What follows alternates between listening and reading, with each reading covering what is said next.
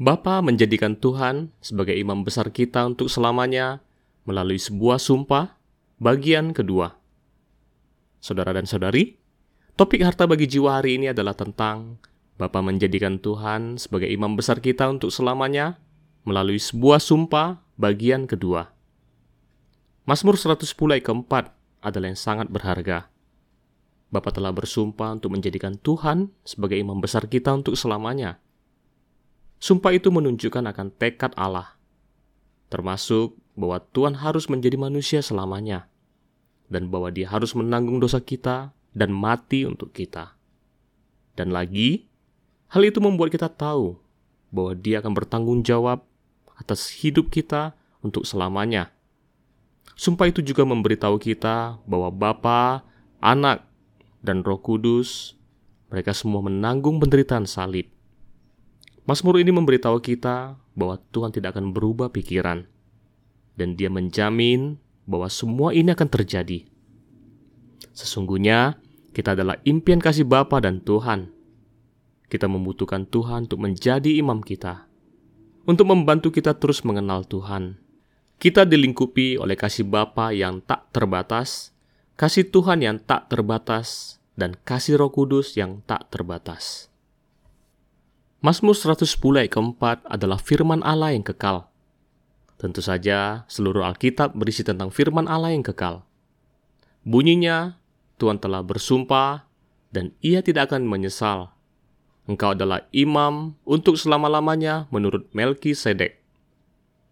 Semua imam dalam perjanjian lama pada akhirnya juga adalah yang mati.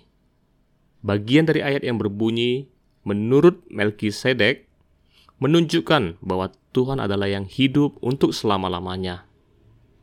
Dari kitab Ibrani, kita mengetahui bahwa dalam banyak aspek Tuhan adalah yang lebih baik, melebihi Melkisedek. Terlebih lagi, perjanjian yang Tuhan tetapkan adalah yang lebih unggul. Karena itu adalah sebuah perjanjian kasih yang abadi antara yang tak terbatas dengan kita. Tuhan datang dan melahirkan sesuatu yang luar biasa Anak Allah akan menjadi imam kita dan dia akan hidup bagi kita untuk selamanya.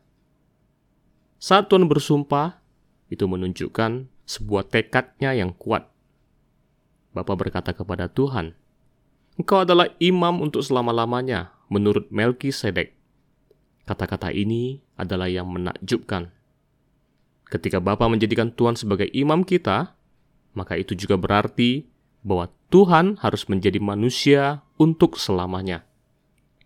Karena kita adalah yang berdosa, sehingga Tuhan harus menanggung dosa kita sebagai manusia. Dia adalah perantara antara Allah dan manusia. Dengan menjadi imam yang untuk selamanya, maka Tuhan harus menjadi manusia untuk selamanya juga. Dia juga harus mati. Sumpah Bapa ini menunjukkan bahwa anak terkasihnya akan mati saya ingin menarik perhatianmu pada kenyataan bahwa Bapa adalah yang sangat rela untuk menanggung penderitaan salib. Saat Tuhan dipaku di kayu salib, rasa sakit ini ditanggung oleh Bapa dan Roh Kudus adalah yang tak dapat dibayangkan oleh manusia. Penderitaan Tuhan juga merupakan penderitaan Bapa.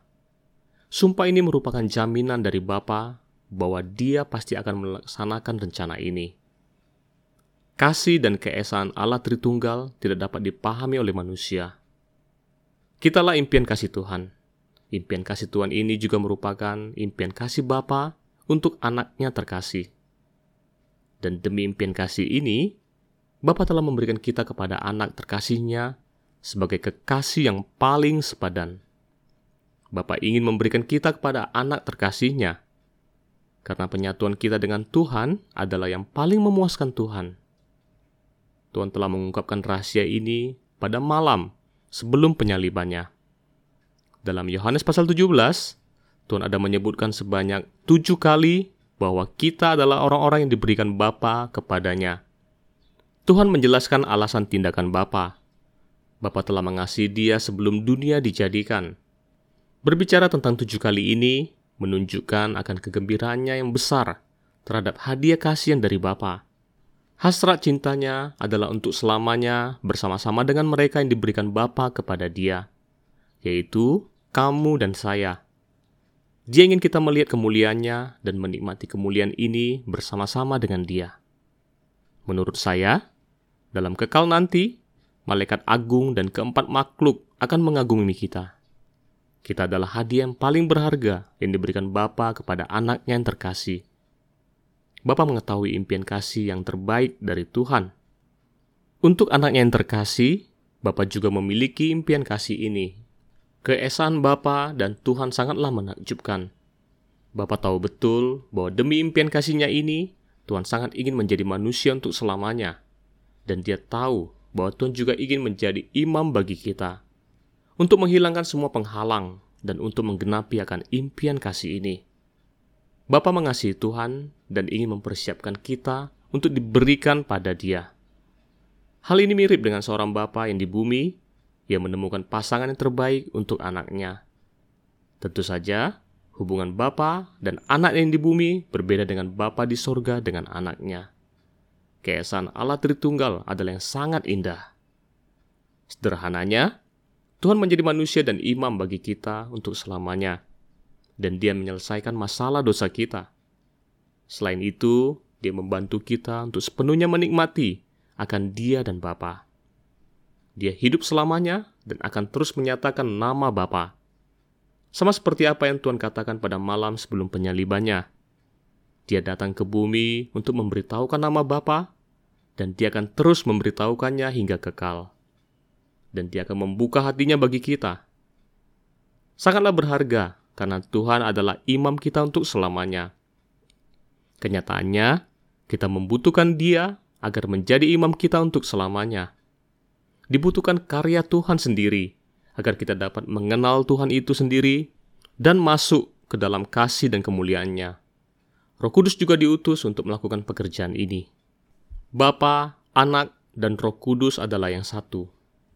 Kita dikelilingi oleh kasih Bapa yang tak terbatas, kasih Tuhan yang tak terbatas, dan kasih Roh Kudus yang tak terbatas.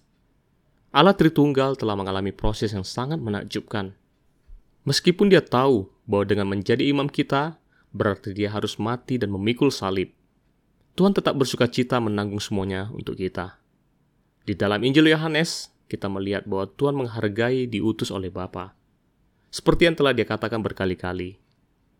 Kidung Agung menjelaskan kepada kita bahwa dia melompati pegunungan untuk datang ke bumi. Hal ini adalah yang benar-benar berharga.